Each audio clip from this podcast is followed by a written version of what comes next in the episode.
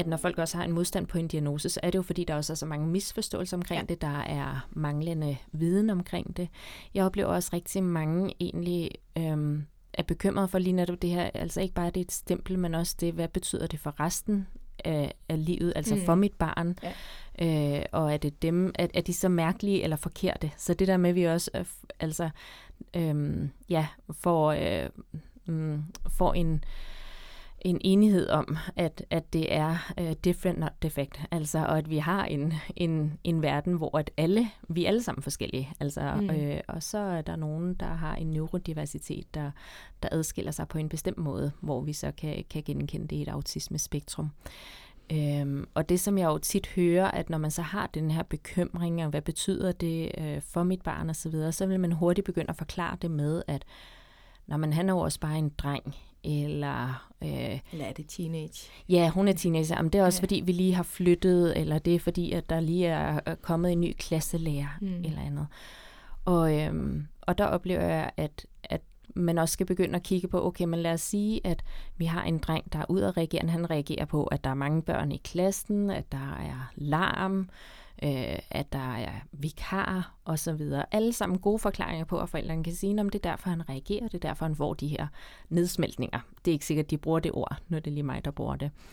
Øh, men, men der bliver vi bare også nødt til at kigge på resten af den klasse, altså resten af de 25 børn, som jo er underlagt de samme præmisser. De er også underlagt larm og vikarer og så videre, men har ikke den samme reaktion. Øhm, så det der med at, at forstå, at det er jo også nemmere øh, for de fleste af os at rumme og håndtere ting, når vi har en forståelse for dem. Altså. Jeg er en af de forældre, der selv har været rigtig nervøs for at havne i psykiatrien. For hvad kan de finde på derinde? Hvad kan jeg stadig bevare kontrollen selv? Og øh, hvad er det egentlig for noget? Hvad er det, der foregår bag de der mure, vi kalder psykiatrien? Og det er derfor, vi har inviteret psykiater Yamuna Ratnasingam til at hjælpe os med at blive klogere på, hvad det er, man gør i børnepsykiatrien, og hvordan børnepsykiatrien kan hjælpe, og hvad de kan, og hvad de ikke kan. Tak fordi du lytter med. Podcasten er produceret af Molis, et psykologhus, der er speciale i ADHD og autisme. Velkommen til Autisme på Hjernen. Autisme på Hjernen er en podcast om neurodiversitet, hvor vi gerne vil give dig nogle fortællinger, du kan spejle dig i. Vi vil give dig nogle værktøjer til at navigere i en verden med neurodivergens, så vi alle sammen bliver klogere, og verden bliver et mere rummeligt og et rarere sted at være. Vi er Ea Karø, psykolog og specialist i autisme. Hej. Hej. Og vores gæst i dag, Yamuna Ratneshingam. Ja. gider, du, gider du udtale det rigtigt for mig? Ratna Singam. Ratna Singam. Ja. Mm-hmm. Du er psykiater ja. og øh, overlæge mm. på Heimdal Privathospital, Danmarks største psykiatriske børn- og unge afsnit, eller hvad kalder man det? Øhm, hospital. Private hospital, tænker jeg. Ja. ja. Ja, ja, tak fordi du ville komme. Jamen, det var da så lidt. Og jeg er Laura Vilskov. Jeg er verden. Jeg holder styr på tiden. Jeg holder styr på, at samtalen ikke stikker af i små detaljer. Og ellers så, øh, så er jeg bare en del af samtalen, fordi det er en snak mellem tre mennesker. Og snakken skal handle om diagnoser. Mm. Og hvordan man giver diagnoser, og hvad med medicin. Yeah. Ja. Ja. Så øhm, måske Ja, du vil starte med at fortælle lidt, fordi du har jo den her psykologiske praksis, mm. Hvor du møder mange af de her mennesker, også før de får diagnosen. Hvad er det for nogle bekymringer, folk har for at få en diagnose? Hvad er det for mm. nogle fordomme, du møder?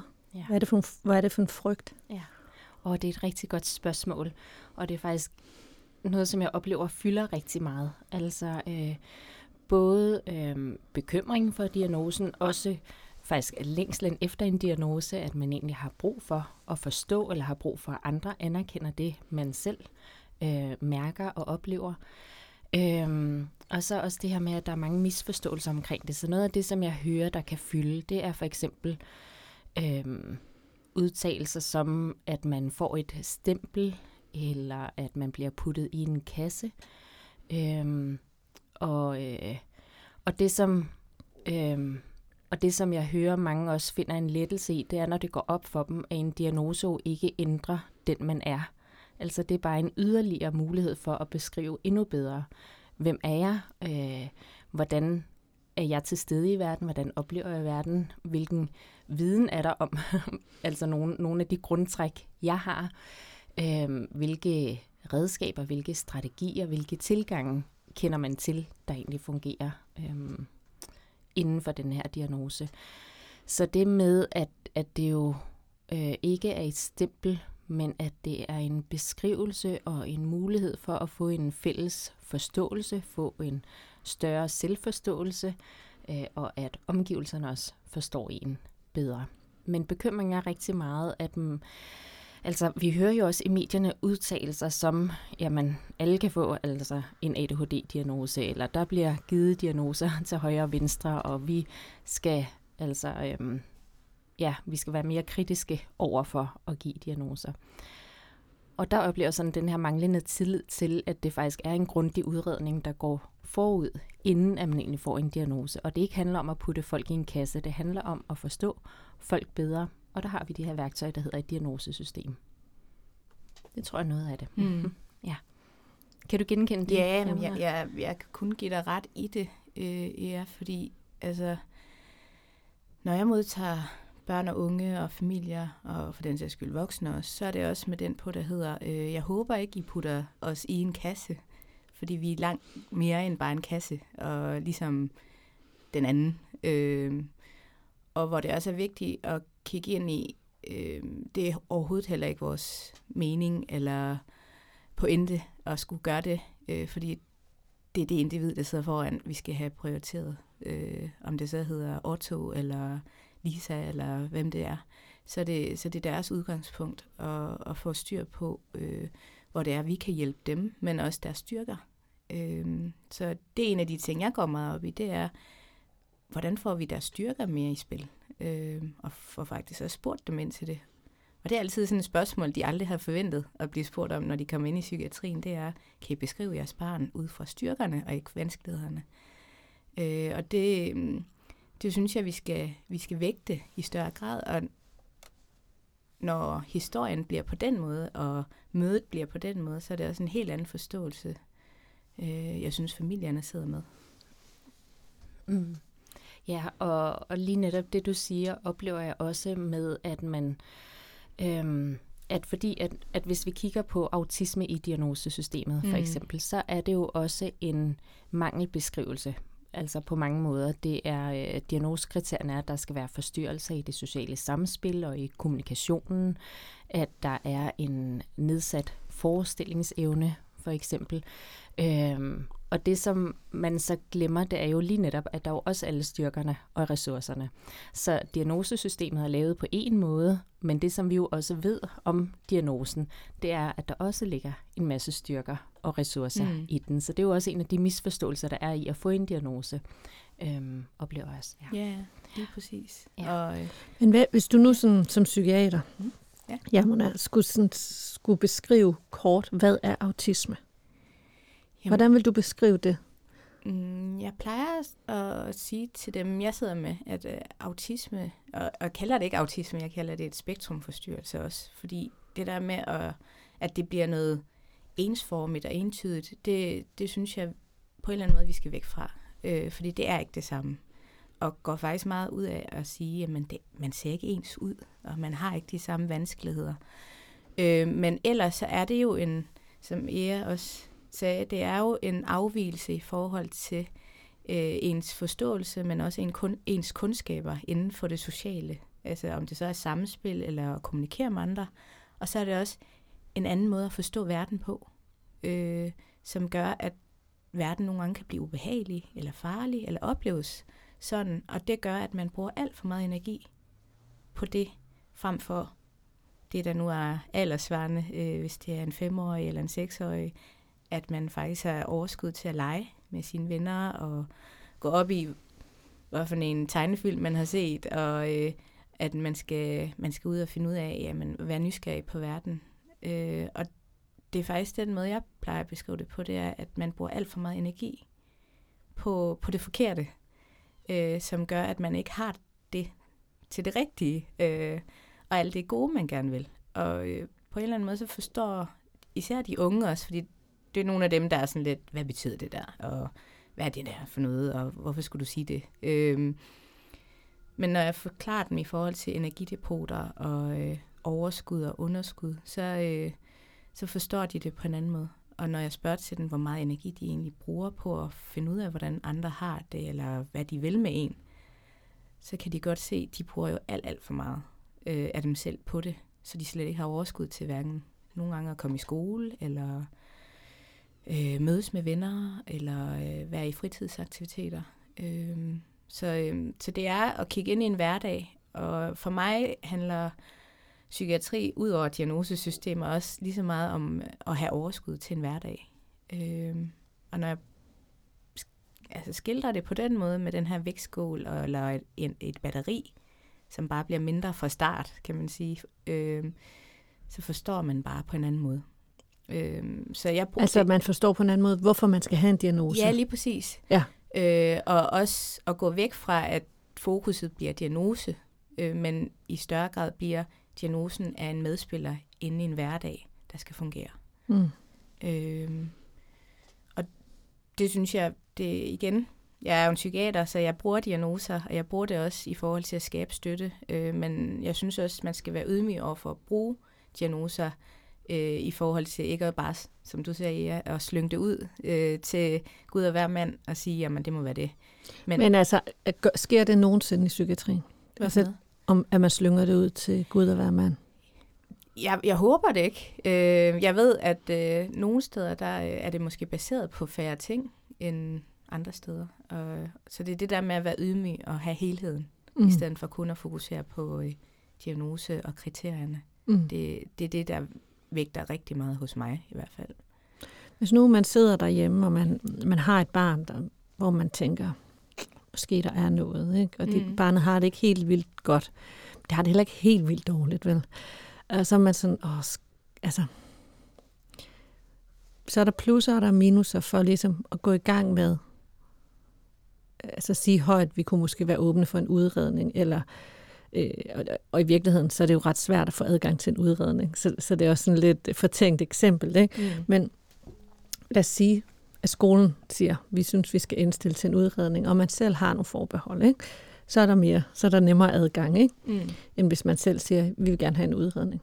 I øh, hvert fald, hvis det skal foregå igennem det offentlige, ja, fordi man har altid mulighed for en privat udredning, okay. hvis man ønsker det. Ja. det var, men men øhm, det, okay. der er et økonomisk aspekt i det. Og, og langt de fleste går den offentlige vej, så det er sådan, som du øh, beskriver det, Laura. Ja. At det for det meste foregår.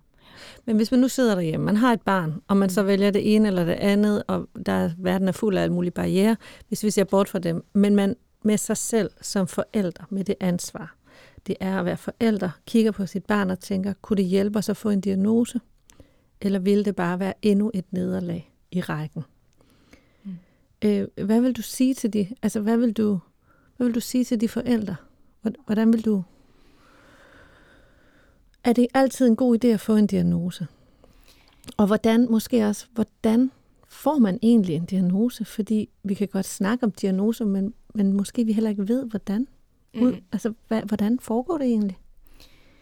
Øhm, for lige at tage fat i det første, ja. det her med at være forældre og øhm, bekymret øh, i forhold til, jamen, kan mit, eller trives mit barn overhovedet i, øh, i den hverdag, eller hvorfor er det, øh, mit barn reagerer så voldsomt, når det er hjemme, eller øh, reagerer på en anden måde, end, end hvad man selv tror eller tænker, et barn vil reagere øh, med eller på, så er det altid vigtigt at spare med nogen. Altså om det så hedder en lærer, eller øh, øh, nogen, der måske har lidt bedre kendskab til det der, den, en fagperson på en eller anden måde. Øh, jeg plejer altid at sige, fordi jeg også har nogen, der skriver til mig, altså efterhånden, når vi har alle de her sociale medier, så øh, får jeg også nogle beskeder nogle gange om, kan du ikke give mig et råd? Og jeg ved godt, du ikke er på arbejde nu, men, øh, men vil du ikke lige give mig et råd i, hvad gør jeg? Øh, jeg har et barn, og det har stået på i flere år, og nu er jeg så ligesom selvfølgelig er jeg bange for, at der kommer en diagnose på, men jeg er også som forældre nået til et punkt, jeg kan ikke rumme det her mere, eller vi kan ikke som familie være i det her mere. Og der er det jo vigtigt, at man søger noget hjælp, og måske også siger det højt, øh, at man faktisk har brug for noget hjælp. Øh, om det så er en lærer, eller en skolepsykolog, eller en anden psykolog, øh, så er der jo mange veje ind til at få en umiddelbar hjælp, eller en, måske en rådgivning i forhold til, jamen, hvad gør vi? Øh, det kan også være, at nogle af landsforeningerne, de sidder også med nogle rådgivende instanser, og jeg ved, at din øh, øh, praksis har jo også nogle gange øh, det her med, at man kan lige få et godt råd mm. med på vejen.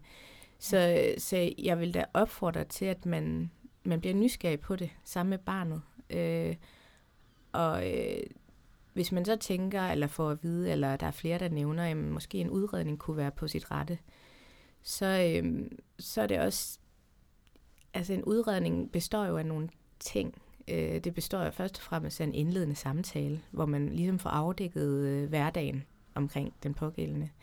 Øh, og der er i også familieforhold, og jamen, hvad har der ellers været undervejs? Graviditet, fødsel. Altså vi tager jo helt fra øh, barnet er i, i øh, maven, kan man sige, øh, for at få afdækket, jamen, hvad for nogle andre forhold kan, være, kan spille ind. Øh, og i den sidder vi faktisk også og rådgiver i forhold til, hvad synes vi, der fylder mest. Øhm, og hele tiden også at afstemme med familien, er de med i forhold til den her udredning, eller har de brug for noget andet? Øhm, har de brug for noget andet rådgivning inden? Øhm, øh, og det er ikke for at presse familierne ud i noget udredning, men det er for at sikre, at de er med, fordi den modstand i sig selv kan farve en udredning, hvis der er meget modstand fra, fra forældre, eller barnet, eller øh, familien i det hele taget, i at det her barn ikke skal have en diagnose, så kan det faktisk komme til udtryk i de samtaler, vi sidder med. Øh, om det så er barnet, øh, og de undersøgelser, vi, vi så laver, eller om det er forældrene. Vi, øh, nu sidder jeg i børn- og unge-området, så vi bruger rigtig meget forældresamtaler, og det her med at afdækket, øh, få afdækket den tidlige udvikling sammen med forældrene. Øh, og der kan vi også hurtigt mærke, at det her nogle forældre, der er med på det her, eller at de øh, øh, siger det ikke hele sandheden, fordi de er bange for, som du siger, at få en diagnose. Mm. Så går vi ind i den snak. Altså, så, så bliver vi nysgerrige sammen med den. Hvad er det, der, der kan være bekymrende i at få en diagnose, eller hvad er det, de baserer det på? Og nogle gange så er det jo manglende viden, eller manglende viden omkring øh, det system, vi ligesom er en del af. Øh, og øh, ordet system havde jeg i det hele taget, men, øh, men vi er jo en del af et system. Øh, om det så på samfundsplan eller politisk plan, så er vi en del af et system, som kræver nogle ting for, at man kan få den rette støtte. Øh, og nogle gange, hvis man beskriver på en seddel øh, en hel af øh, fire med en god beskrivelse omkring, hvordan man synes, det her barn skal have støtten, og i stedet for at skrive det på tre linjer i form af en diagnose, så øh, bliver det modtaget på forskellige måder. Og det burde det ikke, men det gør det. Øh, altså i, når man skal videre i ja, kom- man skal tilbage i kommunen og have ja, støtte? Ja, lige præcis. Mm. Øh, man, skal, man skal for det første tænke, hvem er det, der modtager det her?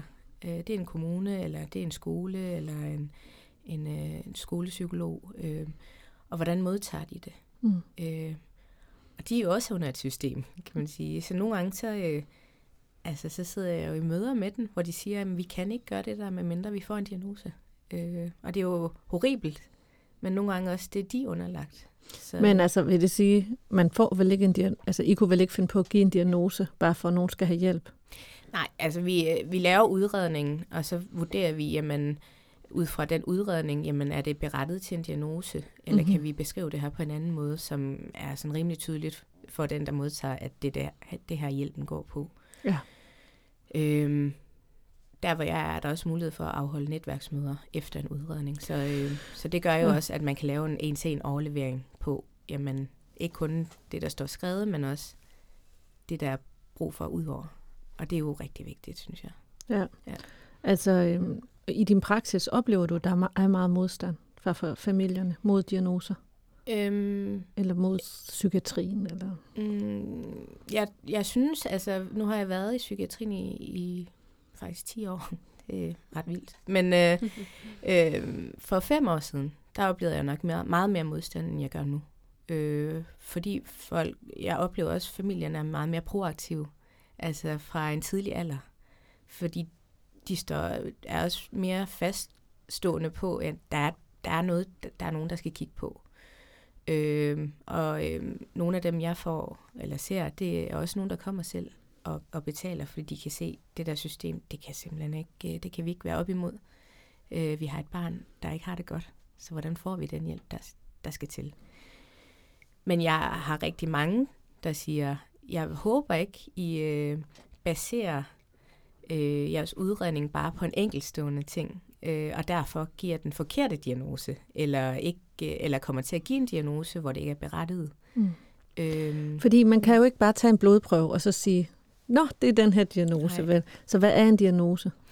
En diagnose, den er jo baseret på et diagnosesystem. Øh, lige nu, der bruger vi øh, i Danmark det, der hedder ICD-10-systemet, som er alle diagnoser i psykiatrien samlet, ligesom i sådan en manual. Øh, og det er baseret på altså mange års hvad skal man sige, øh, forskning og, og, og udvikling.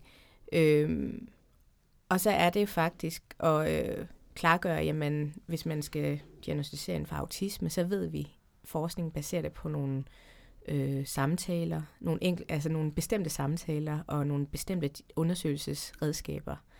Og så er det jo også det her med, øh, man sidder ikke alene og diagnostiserer, øh, så vi sidder jo flere mennesker, der øh, både er behandler undervejs i sådan en udredning, men også som sidder omkring, øh, hvad skal man sige, det runde bord og sikrer, at der ligesom er taget højde for alle de andre ting også. Om det så er fysiske, eller familiære, eller nogle andre sådan, øh, ting, vi ved, der kan påvirke i forhold til at få det klare billede.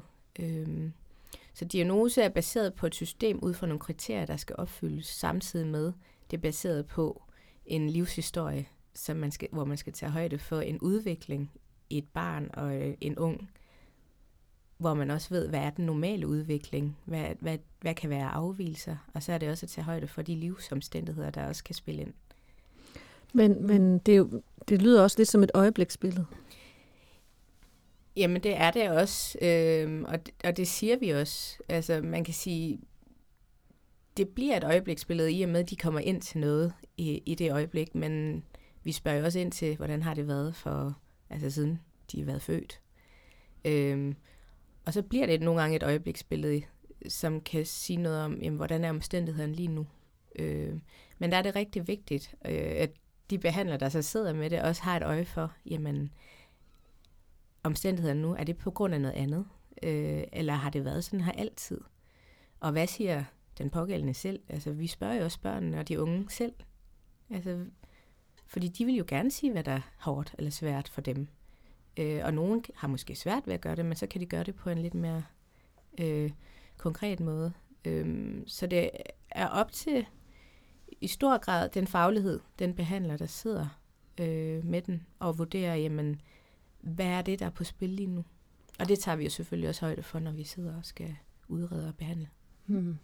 Ja, og øjebliksbilledet tænker jeg også, at, at det er jo også meget forskelligt, alt efter hvilken diagnose vi kigger efter, ja, fordi der er jo nogen diagnoser, som vi, vi, som vi tænker behandling mm. ind over. Det kan være depression eller angst mm. eksempelvis. Ja. Øhm, og der vil det jo i høj grad være et øjebliksbillede, om det er til stede, og, og i hvor høj grad det er til stede. Øh, hvorimod så er der jo andre diagnoser, som er, er grundlæggende, mm. altså som vi tænker er, er medfødte, og som er en forudsætning for, hvordan man er til stede i verden. For eksempel en autisme-spektrum-tilstand. Ja, lige øhm, præcis. Ja. ja. Og vel også og en ADHD, mm. og hvad er der ellers? Altså. Det kan være skizofreni. Ja. Øh, det Man kan sige, at skizofreni er jo, øh, øh, er jo noget, altså, man kan sige, der er nogen, der tænker, at man er født som psykopat, men, eller skizofren, men det er jo noget, man i større grad udvikler, og mange af dem, der har autismespektrumforstyrrelse, kan jo udvikle det, hvis de, fordi de har den her realitetsafvielse nogle gange fra, hvad er virkelighed og hvad er fantasi som gør, at de nogle gange øh, går ind i fantasiverdenen øh, og glemmer helt, hvad virkeligheden er. Og på en måske en måde, hvor de også kommer til skade for dem selv, i form af, at de så begynder at høre ting, eller øh, se ting, eller føle, at... Øh, altså, så man kan udvikle flere psykiske lidelser, ja. hvis man... Man kan få sådan en forværingsgrad af det, som gør, hvis man ikke bliver støttet øh, på relevant vis i de vanskeligheder, man har, så kan man blive så presset, øh, at øh, man simpelthen mister nærmest helt ens identitetsfølelse. Øh, eller, og så er det også, vi taler for eksempel om psykose, ja, tænker jeg, i de tilfælde. Ja, ikke? Altså, så der er, ja. ja. Øhm, mens man kan sige, autismespektrum, ADHD, øhm, de her udviklingsmæssige forstyrrelser, det er jo noget, man er født med. Øhm, men kan jo eskalere i, i løbet af et liv til, til ja, det altså trivselsmæssigt. Ja, lige præcis. Altså, fordi en ting er at være autist, det er jo ikke mm. det samme som at have det dårligt. Nej. Øh, men mm. at mistriv, mistrivselen kan forværres. Ja. Ikke? Ja, og så er det, vi kan se komorbiditeten, ja, altså for eksempel alt fra spiseforstyrrelser til depression og angst og stress osv. Og, så videre. og jeg får lidt lyst til at gå tilbage, Laura, da du spurgte om, om, øh, om hvis man som forælder har en bekymring, altså er der noget, er der ikke noget, skal jeg opsøge mm. en udredning eller ej, at... Øh, at, at sige, at, at det, som jeg i hvert fald har sådan klinisk erfaring med, det som jeg ser i min dagligdag, det er, at øhm, det ofte vil blive øhm, tydeligere med årene, altså efterhånden som barnet bliver ældre, men jo også, at risikoen for mistrivsel bliver større, jo ældre man bliver, også især hvis man er udiagnostiseret. Så det tænker jeg, man skal have med. Og jeg kan også se, at min kliniske erfaring er, at ungdomsårene kan være et meget sårbart tidspunkt at få en diagnose. Altså når man er ung, og øh, så er man i fuld gang med at udvikle sin identitet og sin selvforståelse, og, og man er jo i gang med at løsrive sig fra forældrene, og fællesskabet og jævnaldrende osv. får en helt anden og meget, meget vigtig betydning. Og hvis man i de år får en diagnose, så kan det godt være meget sårbart, fordi lige pludselig er man ikke som de andre. Og der er noget, unge gerne vil være, så er det at være ligesom alle de andre. Mm. Også selvom at de prøver at skille sig ud i tøjstil og alt muligt, så, så er det jo, at der er nogle meget, meget strikse regler for faktisk, hvordan man er rigtigt ung. Altså det er næsten det tidspunkt i livet, hvor at, altså, at fællesskabet er allermest snævert for, hvordan man passer ind i det. Så det er jo noget af det, man også kan have med sig som overvejelse, når man går som forældre, det her med at vide, jamen, vi ved, at, altså, øhm, at det er sårbart at få en diagnose som ung, og vi ved også, at, øhm, at man jo øh, har større risiko for at udvikle komorbiditet, hvis man ikke bliver støttet tidligt. Altså i det hele taget de her, altså hvad skal vi kalde dem, sådan fremtidsudsigter for, hvordan livet med en diagnose bliver, jo tidligere vi får den, jo bedre er de faktisk. Altså fordi det når at blive en del af ens øh, selvforståelse, identitet, man lærer at tilpasse sin hverdag og så videre efter den her diagnose. Øhm, derudover får jeg også lyst til at sige, at hvis man sidder og man synes, at man ser noget, men andre måske ikke ser det, øhm, så kan det jo også være, altså der er undersøgelser, der har vist, at mødre til børn med autisme for eksempel, de forstår deres børn altså helt unikt og mm. helt, helt fra dag 0 af, altså sådan helt intuitivt har de en forståelse og kan afkode deres signaler, deres sprog osv. Men andre i miljøet har ikke den samme evne til at aflæse barnet, hvorimod børn, der ikke har en diagnose, der er der meget mere et, et fælles sprog for spædbørn. Sådan så når der, altså, når der er spædbarn, der græder, så er man i tvivl om det er ens eget eller nogen af de andres mm, inde på caféen. Ja, eller sådan, fordi, men børn med autisme har nogle helt særlige signaler, og det er mødrene øh, eller den primære omsorgsperson, der er allerbedst til at aflæse dem. Så det vil jo sige, at man kan jo godt være i rigtig god trivsel derhjemme, fordi man har en mor, der faktisk helt intuitivt forstår en og tilpasser sig en, og altså, ja, tilrettelægger en hverdag, der passer til barnet, et sprog og kommunikation osv., der passer. Men når man så kommer ud i verden, så bliver det svært. Og vi ved jo, at normeringen er allerbedst, når man er lille, når man mm. altså i vuggestue og så videre. Når man så kommer i børnehave, så er der færre voksne, og vi kommer i skole, er der ja, endnu færre voksne. Ja. Så det her med, at man jo øhm, får sværere og sværere ved at begå sig ud i verden, fordi andre ikke forstår de signaler, man sender, eller det sprog, man bruger. Øhm, og, og det kan også bare være en forklaring på, hvorfor der egentlig er trivsel, og hvorfor vi alligevel skal overveje en diagnose. Mm. For lige netop, at kan vi kalde det at være forebyggende, eller hvad skal man sådan sige, altså for at... Øhm altså det, det, tænker jeg, det tænker jeg rigtig meget, der ligger i det. Øhm, om der så skal en diagnose på, det er jo det, er jo det arbejde, der ligger i lige for tiden, at, at lave en forebyggende samfund øh, mm. med, øh, med de folk, der simpelthen ser barnet. Eller, ja. Og det er jo fordi, er det ikke rigtigt forstået, det er jo fordi, at hvis du skal have, for, altså have hjælp, det man måske kalder forebyggende i kommunen, det er at forebygge en tvangsfjernelse eller en mm. psykiatrisk indlæggelse. Det er jo ikke det, familierne selv ser som forebyggende, vel? Nej, og det er heller ikke det, jeg mener, jeg taler okay. om forebyggende. Altså, jeg taler i forhold til at undgå øh, mistrivselen, altså ja. i forhold til at undgå yderligere komorbiditet. Så hvordan kan vi få, ja, få et miljø, der, øh, der passer så godt til en som muligt. Altså, der er en diagnose bare nogle gange adgangen til, at, at man kan få lov til at tilpasse miljøet, så det passer ja. til barnet. Øhm, så når man også altså- overvejer altså, diagnose, er det jo selvfølgelig en udredning, er det jo selvfølgelig også noget med at kigge på, hvad er støttebehovet? Altså i det amerikanske mm. diagnosesystem, for eksempel DSM-5, mm. øh, der kalder man det autismespektrum forstyrrelser, og så er det niveau 1, 2 eller 3, ja. alt efter hvor stort støttebehovet er. Så det er faktisk ikke alt efter, hvor mange øh, autismetræk der er, eller hvor meget vi kan observere. Det er simpelthen, hvor stort støttebehovet er. Det giver en meget god forståelse af, hvad er det, vi skal bruge diagnosesystemer til. Jamen, altså faktisk... stadigvæk ud fra de her kriterier. Ja, øh, stadigvæk ud fra kriterierne men, selvfølgelig. Men man ja. kan sige, at vores øh, diagnosesystem er også ved at blive revideret. Øh, vi er på vej ind i ICD-11. Øh, udsigterne er lidt, lidt nogle flere år. Ja, fordi år. det er jo faktisk altså, godkendt og vedtaget ja, ja, og så videre. Det, det er bare ikke taget i brug endnu, Nej. så vi mangler lige at få lavet manualerne og godkendt og vedtaget før corona, ikke? Lige præcis. Og det er to-tre år siden, ikke? Ja, og ja. lige nu der er det 2026, man tænker.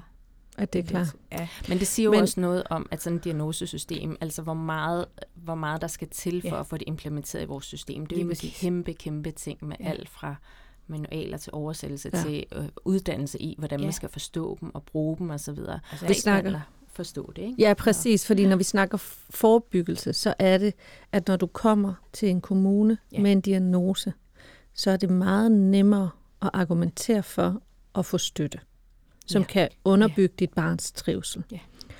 Øh, det er jo fordi kommunen også er underlagt en lovgivning, ja. hvor et det er det, der bliver kigget på. Præcis. Ja. Ikke? Så, det, så det er vel det, mange har brug for, når de kommer for at få en diagnose. Det, det, det er det, mange har brug for, når de kommer for at få en diagnose. Men vores øh, øh, ønske er jo også, at man, før man når til det, måske allerede i skolerne eller i børnehaverne, får kigget på, okay, vi har, vi har et barn, der måske ikke har de samme behov som de andre. Måske skal man lige skrue på nogle parametre, som gør, at det barn stadigvæk trives. Mm. Der er jo mange i samfundet, der ikke kommer til os og får en diagnose, fordi de lærer ligesom at trives og tilpasse sig, og måske lige har nogle, øh, nogle voksne, der lige øh, tænker, okay, jeg ser jo det her barn på en anden måde, så lad mig lige gøre det ekstra i, øh, i rammerne, i skolerne, eller øh, være lige sikker på, at det barn forstår, hvad vi har snakket om, og lige går ned og tjekker op. Og det er jo sådan nogle ting, man kan gøre, også uden at få en diagnose. Øhm, og det er derfor, der er så, altså, der er jo nogen, der kan gå langt i mange, mange år, uden faktisk, at der er nogen, der tænker, at der er, der er noget problem. Fordi de tilpasser, og fordi de tillærer, og fordi de måske har nogle rammer, der gør, at de ikke bliver så presset. Og det kan jo også være for eksempel, at man både har nogle forældre derhjemme, mm. der forstår en ja. intuitivt, det tilpasser. Man, ja. Og så kan det være, at man er heldig lige at have en god pædagog eller en god lærer eller noget, som ser en og som godt lige ved, Nå, vi skal ikke øh, bytte pladser rundt i klassen hele tiden her. Man har sin faste plads, eller man skal have lov til at blive indenfor i udefrikvarteret, fordi man har brug for at sidde øh, roligt, eller hvad ved jeg. Og på den måde, så, øh, så er det jo lige netop, at, at så kan der være trivsel, fordi miljøet tilpasser sig ind. Så det er også vigtigt at sige, at i hvert fald når jeg taler tilpasning, så er det miljøet, altså dem omkring, der ligesom tilpasser, sådan så at, at vi kan få øhm, ja, brugt vores ressourcer og vores øh, styrker bedst muligt. Og det er også i stor grad det, mm. øh, når jeg snakker forebyggende. Øh, øh Laura, dem, de ting, du nævnte med tvangsfjernelse, øh, sådan noget, det, er jo, det er jo den bekymring, der kan besidde nogle familier, når de kommer til os til en udredning. Det er, finder de nu på at gøre et eller andet eller sige noget. Men i, i mit henseende i forhold til forebyggende, der er det også at klæde, altså klæde pædagoger på til at, eller lære på til, hvad betyder autisme for et barn? Det er altså ikke alle, der ved det, øh, og har tillært det i deres pædagogseminar, uddannelse, mm. og øh, Nej, og det faktisk oplever jeg, at det tit er meget tilfældigheder. Så er det måske, ja. fordi man er heldig, en lærer har en nevø, der har autisme, og så ved de noget om det, eller de har haft et barn i børnehaven tidligere, der havde det. Eller sådan. Mm. Og der kunne det jo være rart, at vi kom lidt væk fra tilfældigheder, der var større ja, viden, men det, det er et drømmescenarie, ja, at, vi, uh, ja, at vi arbejder henad imod det.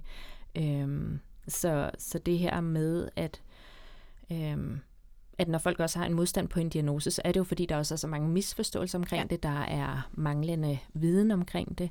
Jeg oplever også rigtig mange egentlig øhm, er bekymret for lige netop det her, altså ikke bare det er et stempel, men også det, hvad betyder det for resten af, af livet, altså mm. for mit barn, ja. øh, og er det dem, er, er de så mærkelige eller forkerte? Så det der med, at vi også, øh, altså, øh, ja, får, øh, mm, får en, en enighed om, at, at det er uh, different, not defect. Altså, og at vi har en, en, en verden, hvor at alle, vi er alle sammen forskellige. Altså, mm. øh, og så er der nogen, der har en neurodiversitet, der, der adskiller sig på en bestemt måde, hvor vi så kan, kan genkende det i et autismespektrum. Øhm, og det, som jeg jo tit hører, at når man så har den her bekymring, og hvad betyder det øh, for mit barn osv., så, videre, så vil man hurtigt begynde at forklare det med, at når man han er jo også bare en dreng, eller... Øh, eller er det teenage? Ja, hun er teenager. Jamen, det er også, ja. fordi vi lige har flyttet, eller det er, fordi at der lige er kommet en ny klasselærer, mm. eller andet. Og, øhm, og der oplever jeg, at, at man også skal begynde at kigge på, okay, men lad os sige, at vi har en dreng, der er udadreagerende. Han reagerer på, at der er mange børn i klassen, at der er larm, øh, at der er vikar og så videre. Alle sammen gode forklaringer på, at forældrene kan sige, om det er derfor, han reagerer, det er derfor, han får de her nedsmeltninger. Det er ikke sikkert, at de bruger det ord, når det er lige mig, der bruger det. Øh, men, men der bliver vi bare også nødt til at kigge på resten af den klasse, altså resten af de 25 børn, som jo er underlagt de samme præmisser. De er også underlagt larm og vikarer og så videre, men har ikke den samme reaktion. Øhm, så det der med at, at forstå, at det er jo også nemmere øh, for de fleste af os at rumme og håndtere ting, når vi har en forståelse for dem. Altså, så hvis man møder en, og hun virker sur og irriteret, men så vi finder ud af, at hendes øh, bil gik i stykker her til morgen, og øh, ja, øh, hun fik en trælsmel, eller hvad ved jeg. Eller strømmen gik. ja.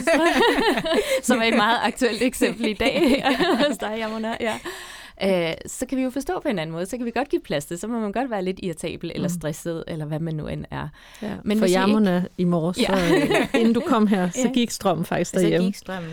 Ja. Øh, og, og hvis man havde taget scenariet og tænkt, at hvis jeg var... Øh, hvis strømmen var gået, og jeg slå, så hele min dag var ødelagt på baggrund af det, øh, og, kunne, og ikke kunne komme herind, så er der jo noget i min håndtering af det der pres, betyder det så, at jeg er presset på andre parametre, eller betyder det, at jeg har haft alt for mange ting, der er sket oven i hinanden, der gør, at det her det var bare det sidste, jeg kunne håndtere?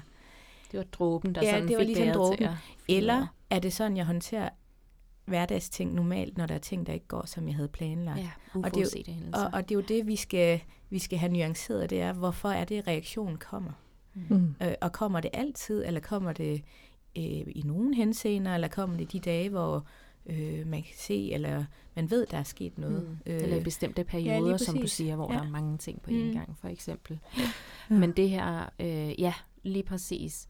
Så det med, at, at vi, så kan vi jo alle sammen rumme hinanden meget bedre, når vi forstår, mm. hvorfor vi sender de signaler, vi gør. Ergo, så kan vi faktisk også meget bedre øh, rumme en udadreagerende dreng, hvis vi eksempelvis får en forståelse i form af en ADHD-diagnose eller en autisme-diagnose, fordi vi får en ja, en anden forståelse, et andet sprog for det, og det udvider bare vores rummelighed. Så det er også ja. det, diagnoser faktisk kan. Mm. En begrebsramme, ikke? Ja, så når præcis. din hjerne er bygget anderledes, ja. det smelter sammen der der, når det, ja. øh, altså det, der er noget ja. sansestimulans, eller hvad det nu kan være, ikke? Ja, som så gør. Og det oplever I, øh, at, at når man så får den her diagnose, om det er ADHD eller autisme, eller hvad det er, at omverdenen så forstår det. Mm. Eller, eller forstår folk stadig ikke, hvad det vil sige at have de her diagnoser? Ja, det kan være begge dele. Det... Ja, det tænker jeg også. Ja. Øhm, fordi selve diagnosen, tænker jeg, mange forstår, men når man skal kode det ned til den enkeltes hverdag, så hvordan kommer det til udtryk? Mm-hmm. Det er jo, det kræver, at man kender den person, øh, og det kræver, at man sætter sig ned og giver sig selv tid til at lære den person. Og det kan være svært i en skolesætning, hvor man har 30 børn, som øh, eneste underviser eller lærer, og skal sætte sig ned til alle og enhver og spørge, jamen, hvordan går det, eller hvorfor er det, men nysgerrighed og nysgerrighed ved at lytte og spørge den pågældende, det er så vigtigt. Øhm, altså det er jo det første, vi gør. Det er også at blive nysgerrig på, nå, hvor, ved du, hvorfor det skete, eller kunne det have sket på en anden måde, eller... Og børn og unge, de, de vælger jo gerne fortælle, når man er nysgerrig på det, de kommer med. Øhm, mm. Og så skabe noget tryghed omkring den, for at de, det er okay at snakke om. Ja, og så det der med, at vi alle sammen har en forståelse af, at at børn altså gør det bedste, de kan. Ikke? Ja, lige øh, præcis. Så der er altid en grund til, at man gør, som man gør, og de har altid gjort det bedste ud fra de forudsætninger, de strategier, de har taget i den situation, de har stået i, så bevare den nysgerrighed ja. i det. Og så tænker jeg også, at at jeg oplevede tidligere, at der var store sådan, øhm, fordomme omkring autisme, især i forhold til for eksempel Rain Man. Mm. Altså, det var en film, de fleste kendte, og ligesom baserede deres viden ud fra. Jeg oplever også, at der stadig er store misforståelser omkring, at alle autister har savante evner for eksempel. Altså, man kan noget helt, helt unikt, som at læse en bog på tre minutter, eller have fotografisk hukommelse, eller noget lignende, som ikke er tilfældet. Øhm, men, øhm, men, men jeg synes, at det bliver mere nuanceret efterhånden, som vi også får flere og flere tv-serier og så videre, der egentlig er baseret på, ja, på autistiske hovedpersoner, mm. så vi får det nuanceret.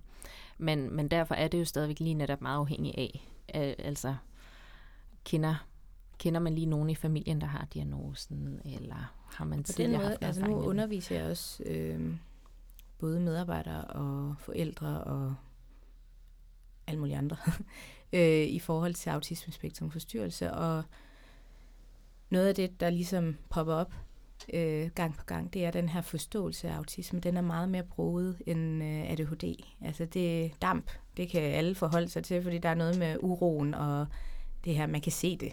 Øh, man kan se, det art sig foran en. Altså dem der, der bare ikke kan sidde stille og har krudt bag Mens autismespektrum, den er svær at forstå.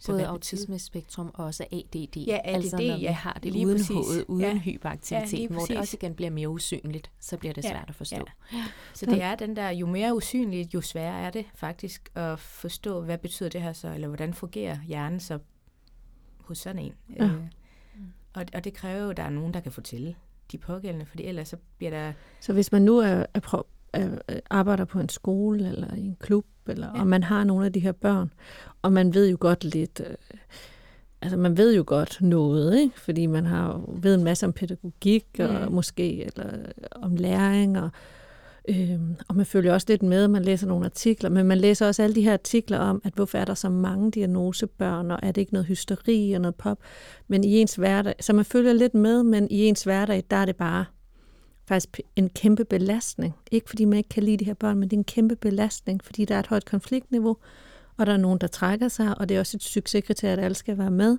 Øh, og man prøver ligesom, og måske man godt kunne bruge noget mere viden. Mm. Om, altså man mangler lidt noget, nogle værktøjer i værktøjskassen. Hvor går man hen?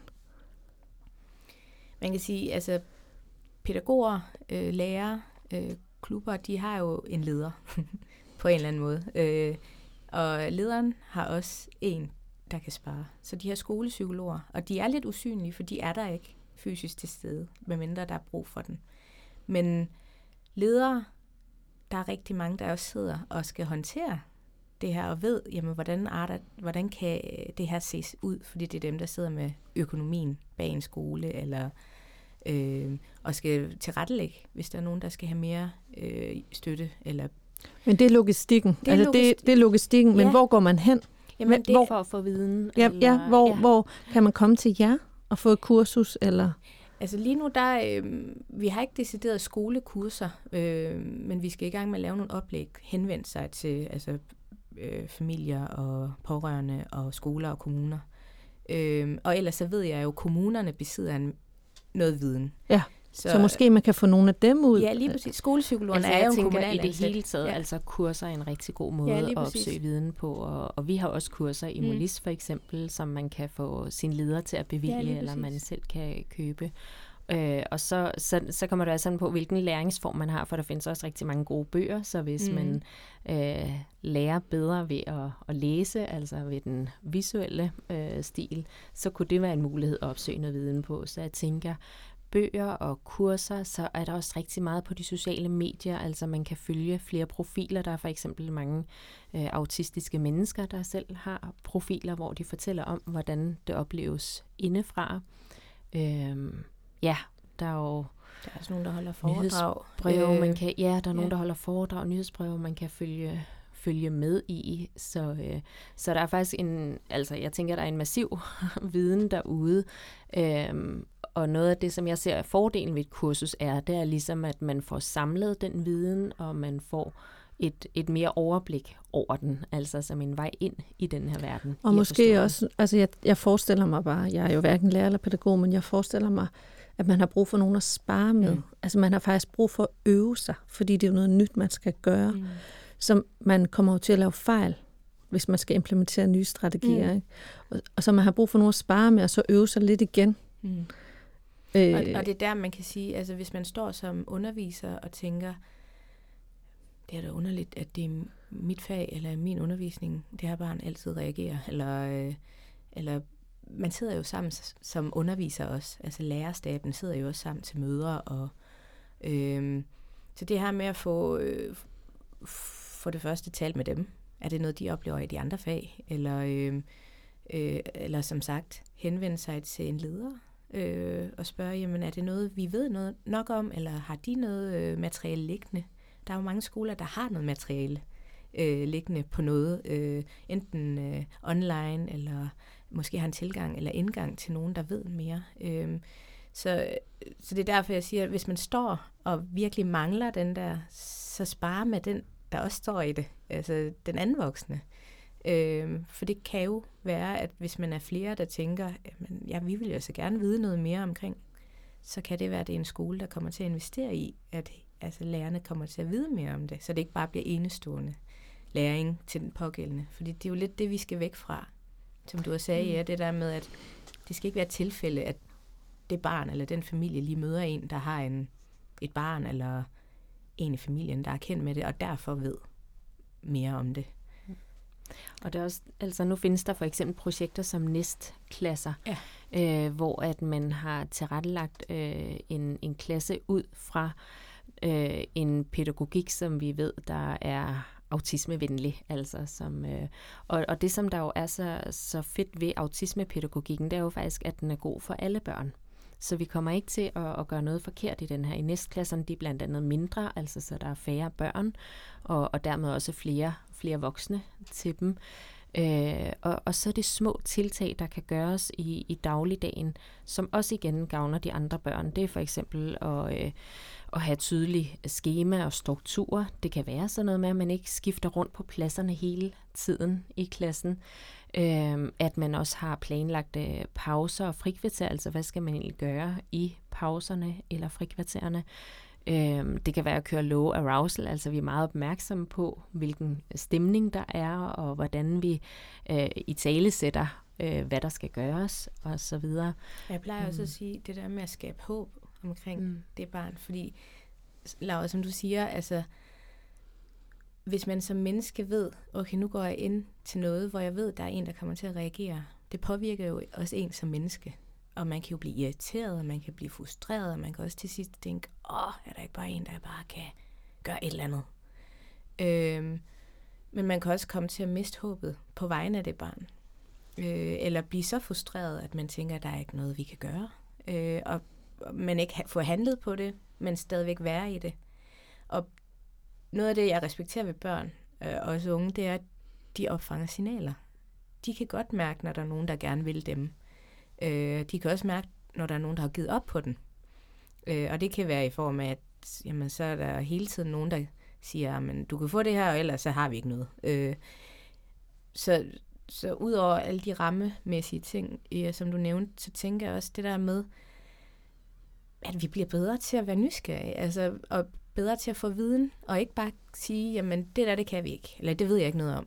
Så jeg må bare håndtere at være i det, og, og håbe på, at det barn måske ikke kommer den pågældende dag. Altså, det er jo... Eller det, som jeg synes, jeg tit hører, det har vi ikke ressourcer til, eller det har vi ikke Ja. tid til, Ja. og så videre. Øhm, og der er jo selvfølgelig et aspekt, som, som er, er på helt politisk niveau, altså hvordan får vi en, en, en hverdag, der ikke er så presset, fordi det er svært at være nysgerrig, når man er meget presset. Mm.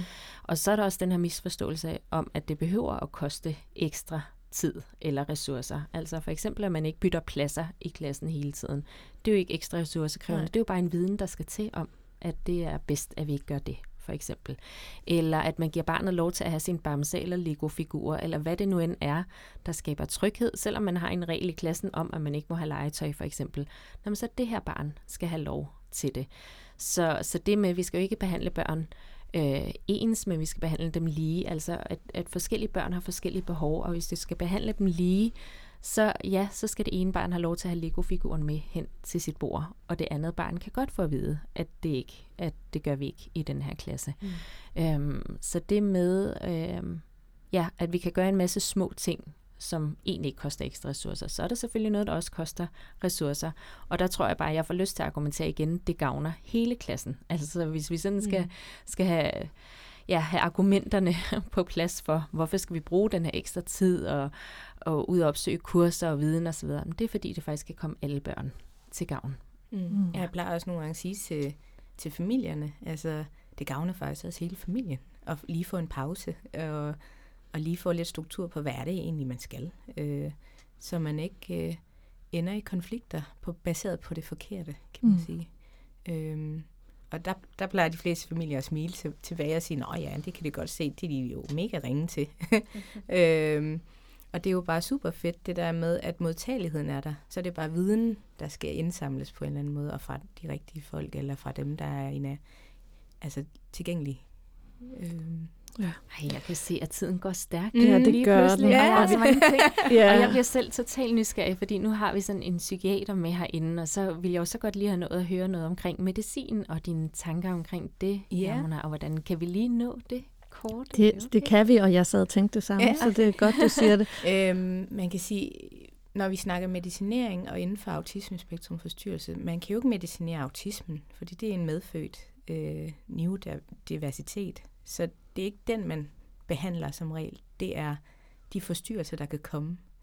Og det kan jo være, øh, øh, ja, du nævnte jo noget med angst og depression. Det kan også være søvnforstyrrelse, øh, hvis det er en grad, hvor det simpelthen hæmmer et barn, eller kan påvirke, at det barn ikke fungerer.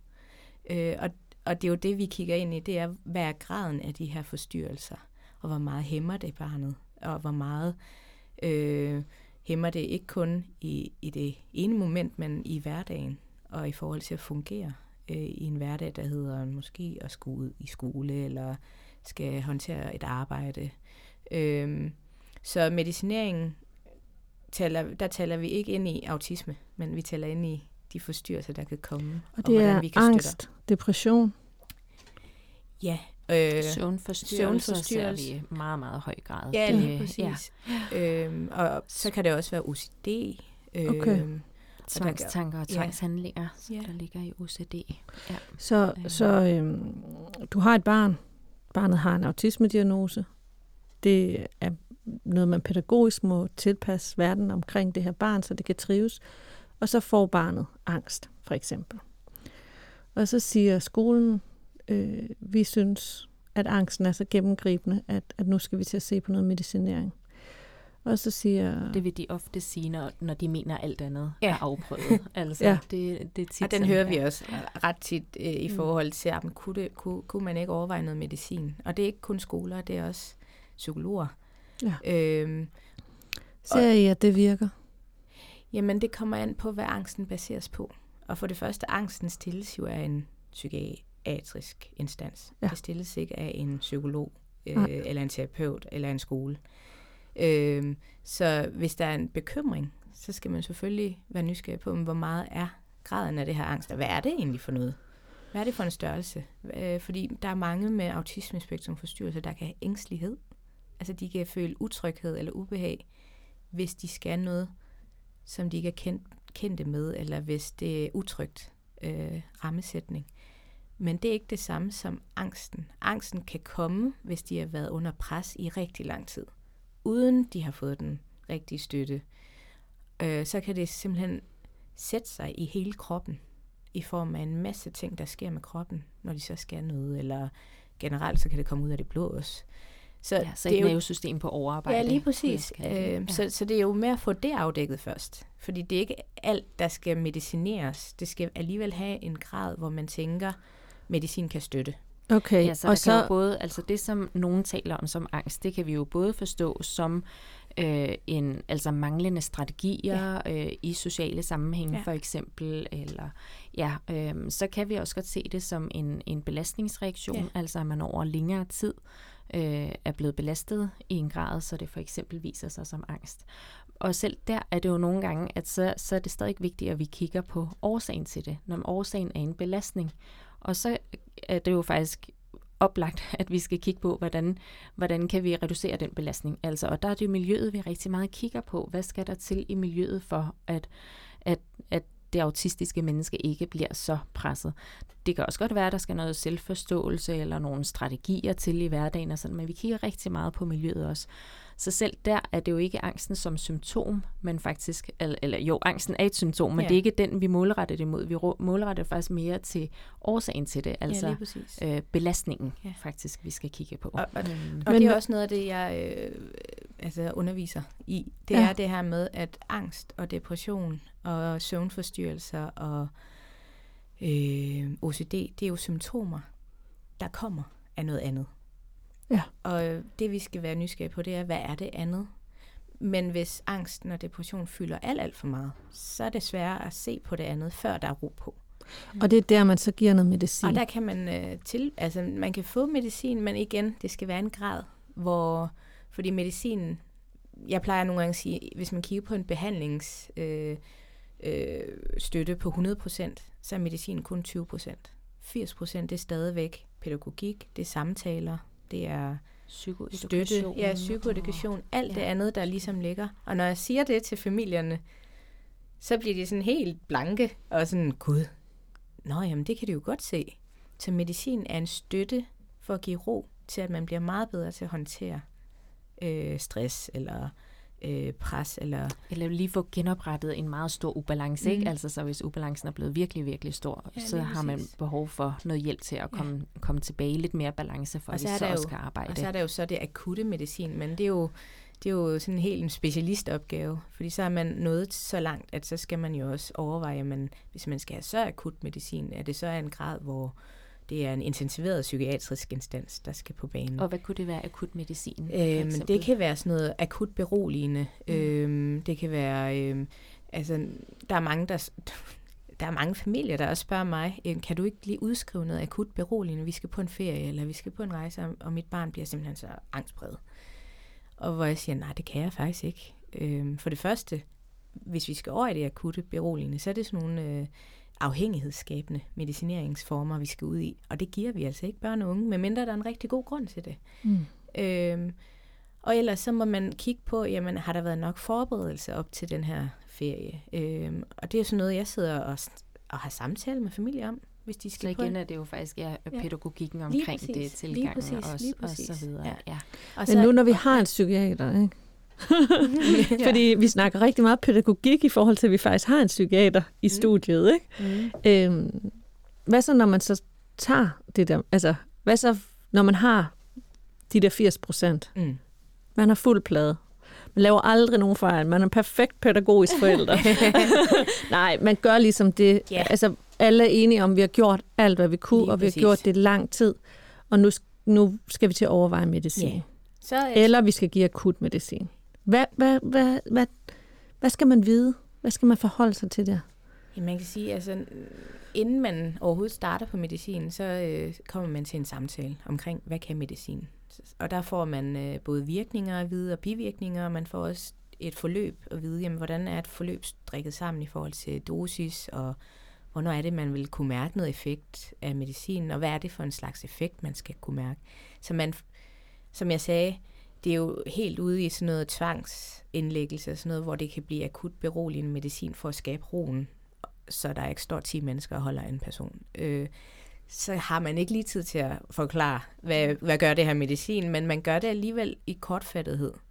Øh, og så følger man op mm-hmm. når der er ro på. Det er ved den akutte situation. Det er den akutte, men de fleste, de kommer jo ind i en klinik. Øh, så vil man komme til en samtale omkring, hvad kan medicinen? Og i sidste ende, så er det jo en, en vidensdeling omkring, hvordan, hvad medicin kan. Øh, I nogle tilfælde, der vil vi måske anbefale det i større grad, at man gør det, fordi vi kan se, hvor, hvor hæmmet det pågældende barn er af sine vanskeligheder. Om det er angst eller depression. Men i de fleste tilfælde, og i, så er det jo op til barnet eller familien. For der er en stor grad af motivation også, når man skal til at tage medicin. Ja, ja. Og, og noget af det, som jeg, jeg har erfaret øh, i altså min kliniske erfaring, øh, det er, at når vi taler om autisme, så har jeg set gentagende gange, at, at, øh, at fordi vi jo har med en neurodiversitet at gøre, så synes jeg også, det giver god mening at tænke ind i, om medicinen også virker anderledes i den øh, mm. neuro, øh, neurologiske, altså øh, ja, forudsætning, man har. Og der, der har jeg oplevet, at der ofte skal faktisk mindre doser til, blandt mm. andet ved den antidepressive medicin. Det er som om, at, at uh, autistiske mennesker er mere følsomme over for medicinen. Så jeg vil også sige, at hvis man begynder at overveje medicinen, så er det rigtig vigtigt, at psykiateren har kendskab til hele ens altså øhm, historik mm. og, og diagnoser osv. Og, så videre. og også meget gerne en, en psykiater, der har en, en viden om autisme, og mm. hvordan vi lige netop ser det i, i forbindelse med det vil sige, altså det vil sige, den sensitivitet, som mange autister oplever på alle mulige andre parametre, det er også en sensitivitet, der ofte sidder i hjernen, selvfølgelig. Ja som, ja. som gør, at du faktisk er mere sensitiv over for medicin, så den virker hurtigere. Det er i hvert fald det, vi, kan, vi har set klinisk, og der også lige kommer en undersøgelse ud, der faktisk har mm. øh, bekræftet det, at man ser det. Og, og at jeg har bare set, at hvis vi er oppe i for store doser, så kan det faktisk næsten have den modsatte effekt. Mm. Altså, så, så er det ikke bare, at den ikke virker, men så bliver den faktisk, øh, ja, altså ikke gavnlig eller, eller noget, der minder om skadene egentlig. Og det er øhm. jo den der vægtning af, hvad er det egentlig, der skaber det? Øh, og det er også det, jeg ser i forhold til angst og depressionsbehandling. Det er, at man, skal, man, det er ikke i alle henseender, man behøver at komme helt op i, i dosis, for at det virker. Fordi det lige skaber den der ro, for at man har overskuddet. Øhm, ja, så selv en lille dosis ja, har en effekt, ikke? Eller? Øhm, og så samtidig så skal man jo også tænke ind, at øh, det er jo sjældent, vi kun har børn og unge og voksne, der kun har autisme.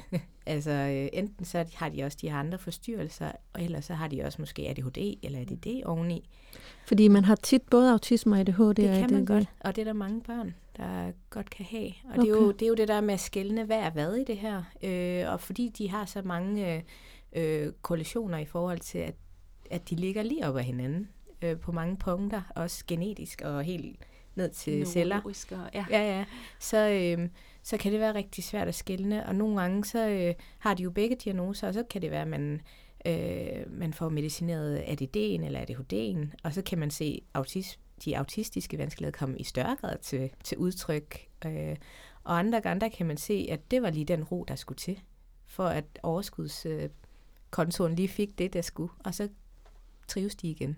Så, øh, så det her med også, altså det er så vigtigt at have helheden, og, og ligesom også at kunne tale ind i, og være helt åben. Altså, og, fordi der er også nogen, der, altså nogle familier, der kigger på mig, og nogle gange spørger, hvad vil du gøre, hvis det var dit barn, der sad her? Og, og som jeg siger, jamen, det er jo ikke fordi, jeg er, jeg er sådan en, øh, der står med banner og siger, medicin, ja tak. Øh, jeg, jeg er faktisk stik, det er stik modsatte. Øh, men samtidig så kan jeg også godt se, vi er faktisk op imod nogle børn, der har haft det svært i rigtig længe, og måske fået at vide, de ikke fungerer, eller de, øh, de er anderledes, eller de øh, har de er bare dumme, eller hvad det er. Ja, måske har de ikke fået det at vide. Måske har de bare oplevet ja, nederlag på nederlag ja, på nederlag, sådan, så de er internaliseret sådan en forkerthedsfølelse. Ja, og, ja. og det er jo også der, hvor jeg tænker, at ja, ubalancen kan blive så stor, at vi bliver nødt til at kigge på, at der skal noget hjælp til ja, at, lige præcis. at vende udviklingen. Ja. Altså. Og så tager man det en periode, eller hvad? Ja, altså det, det, det, det er jo det, man får at vide i forhold til, hvad for noget medicinform det er. Øh, hvis det er angst, depression, så skal man tage det i en længere periode. Øh, altså i år? Flere år? Øh, ikke, ikke for den sags skyld. Ah, okay. Øh, det tager både længere tid om at virke, man ja. skal jo vente uger, før man kan se en og virkning. Og skal man være stabil det på det, fordi ja. vi ved, der er en øh, tilbagefaldsrisiko. Hvis man stopper for hurtigt, så kan man få det igen. Okay. Så man skal være stabil på det i sådan, vi kalder en minimum et halvt år, Okay. hvor man har kunne se, at man har kunne fungere sådan nogenlunde, og også opbygget de strategier i forhold til at håndtere stress eller pres, og de rammer, der ligesom kan spille ind i det. Så kan man begynde at snakke om, at man kan trappes ud af det, og så sker det meget, altså så sker det ikke sådan fra en dag til anden, men langsomt i forhold til, at man også lige sikrer, at kroppen er med, øh, og at man selv er med. Der er mange, der bliver meget trygheds... Øh, vanende over for, at de kan mærke, at det virker, og så bliver de bange for, hvad nu, hvis det ikke virker. Mm. Øh, så der tager vi det stille og roligt, og, og sikrer simpelthen trygheden i forhold til. Og der må det gerne være en meget, meget lang altså nedtrapningsperiode. Ja. altså, fordi igen har vi en meget følsom krop, så vær opmærksom på, at der er rigtig lang tid til stille og roligt at, at trappe ud af det igen. Mm. Øhm, og den medicin, vi ofte ser i forbindelse med autisme eller ADHD, det er antidepressiv medicin. Jeg kigger over på dig, Jamona. Øhm, det er ADHD-medicin, det er angstmedicin. Vi ser også antipsykotisk Ja. øh, medicin. Har jeg glemt? Altså søvnmedicin. Ja, søvn, melatonin ja for melatonin eksempel. er ligesom, øh, ja. kan være et mirakel for mange mennesker Ja. og familier, men som jeg også siger til, til familien, det er jo ikke sådan, man kommer ind, og så får man en, går man derfra med en recept på det, fordi det kræver også noget andet arbejde. Og jeg værner meget om det der med, at øh, man skal ikke bare komme og få en medicin, der kan skabe noget i hjernen, baseret på det forkerte. Så derfor er det også rigtig vigtigt, at man går i dialog. Hvad er det, der skaber det? Øh, og nogle gange finder man faktisk ud af, at det var fordi, det er hver eneste nat en eller anden bestemt øh, lyd, der gør det. Øh, eller det er fordi ens dyne simpelthen bare har den forkerte form, eller... Øh, Vigtigt. Som gør, at man vågner. Men Melatonin der- får man for at sove. Ikke? ja, lige præcis. Ja, melatonin og Ja. søvnmedicin. Og der Mm. kan vi se, der er det så også forskelligt fra kommune til kommune, fordi nogle kommuner siger, at du må først få en tyngdedyne, altså sådan en vægtdyne, der kan være god i forhold til søvnforstyrrelser, når du har afprøvet medicin. Ja. Og andre siger, at du skal prøve tyngdedyner først, før du må få. Så, så der er sådan forskellige retningslinjer rundt omkring. Ja. Men øhm, Men det vigtigste, det er, at man er tryg ved det. Om det så er barnet eller forældrene. Ja. Så øh, det er heller ikke øh, uvandt, at jeg sender folk hjem og siger, at hvis, de, hvis jeg kan se, at de, de er utrygge, eller de, har, de er bekymrede, eller de faktisk ikke er klar, så siger jeg, "Jamen, så, så hellere vent og blive klar, eller blive afklaret. Mm. Øh, fordi man skal ikke putte noget medicin i kroppen, baseret på, på nogle andres ud, udtalelser. Man skal være klar på det også. Og så selvfølgelig have svaret på de spørgsmål, man nu skulle have. Mm. Øh, så, øh, så ventetid, det kan også noget. Ja, Ja. Dem har, man- det har man meget af Ja. som forældre med et barn Ja, med det- særlige behov. Så jeg vil sige, Åh, mere af og, det. og lange ventetider, de, de skal vi helst ikke have. Nej. ja. Ja. Hvor var det spændende at høre om. Og tiden er ved at være gået. ja, men det er så. Ja. Jeg bliver altid overrasket. ja. ja, Ja. super stærkt. Er der noget, nogen brænder ind med her på falderevet? En lille ting. og den er ikke vigtig, så måske klipper vi den ud. Men, øh, men jeg er helt tilbage i starten med, at hvis man for, som forældre sidder og tænker, skal, skal ikke udredning, og øh, ja, er det altså nødvendigt, øhm, så hvis man også tænker, at vi venter med udredning, fordi det vil være en stor stressbelastning, altså man ikke kan, så er det faktisk en ret god indikator for, om der er noget. Altså, så hvis man sådan tænker, at det her vil være meget forstyrrende for barnet, en stressbelastning, noget man skal bruge meget energi på, så det er faktisk også en indikator på, at det kunne være, at der var en idé i at opsøge noget. Hvorimod, hvis man ikke tænker det som særlig forstyrrende for ens... Det her, hvor jeg taler om autisme, udtaler mig kun om, om autisme og Mm. ADHD, øh, så, øh, så, så, er der, så er det måske noget med at, at se tiden an, hvad det så er. Øhm, ja, for det er ofte det, jeg hører, der faktisk også holder folk tilbage. Det er ikke kun misforståelserne og bekymringen for at blive puttet i en kasse og sådan. Det er også det med, at man bare tænker på, hvordan skal jeg få mit barn igennem det, og de skal tale Mm. med fremmede mennesker, og de skal bruge energi på det, og i forvejen Noget, som er der jeg, ikke mere energi ja. tilbage. Ja. Altså.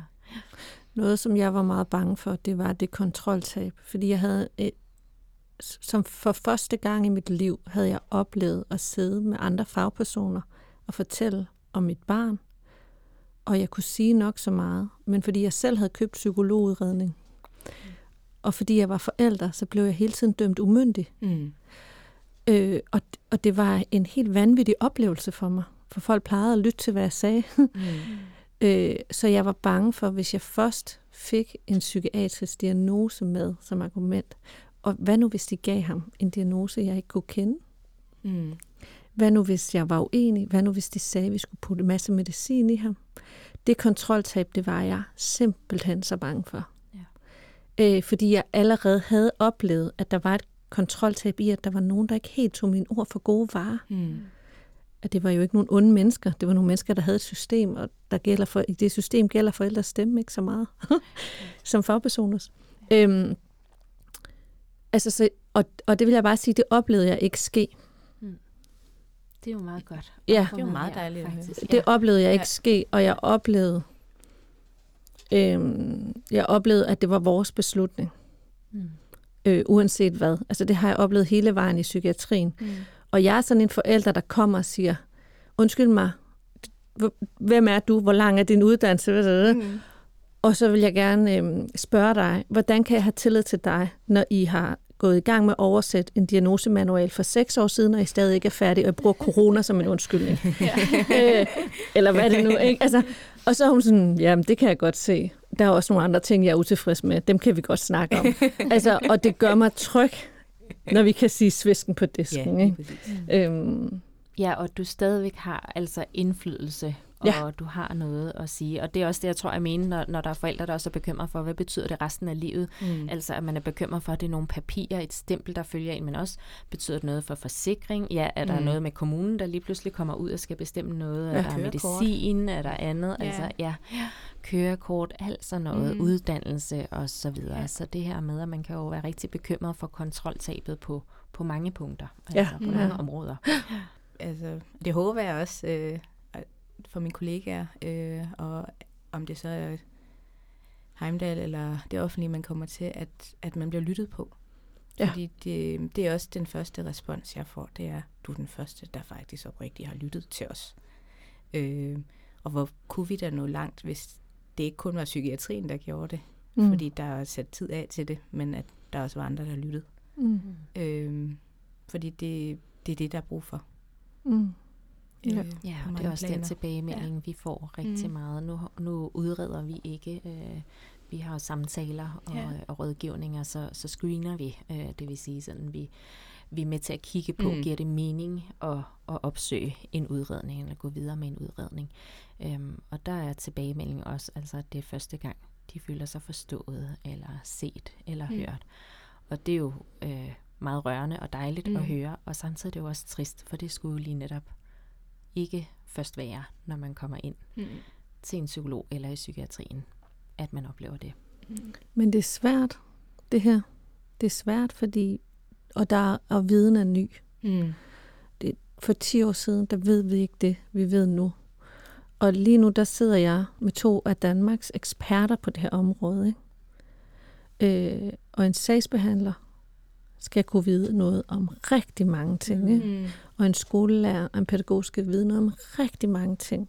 Og den viden, som vi forhåbentlig kan få ud igennem den her podcast, og ved at sidde og have de her snakke, det er jo, det er jo en højt specialiseret viden, øhm, som tager tid at komme ud i praksis. Mm. Og det er det, forældrene slår sig på. Mm. Mm. Det Og er en konst- og børnene. Mm. ja. Det er en konstante misforståelser, og det er manglende viden, fordi det er meget ny viden, det her. Ikke? Mm. Og det kunne vi snakke længe om, men tiden er gået.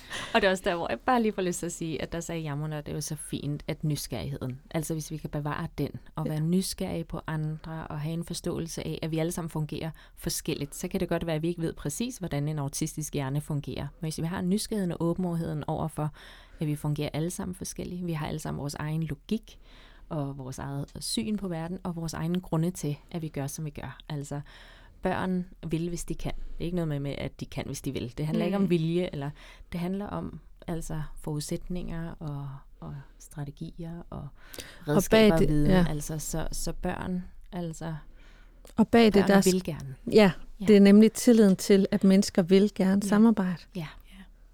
Ja. Ej, skal vi slutte på den? Ja, Ja. lad os gøre det. Lad os gøre det.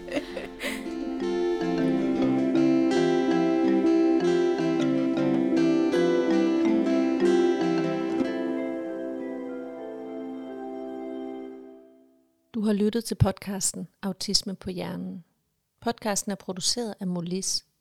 Du kan læse mere om Molis og finde en masse gratis ressourcer og viden på hjemmesiden molis.dk.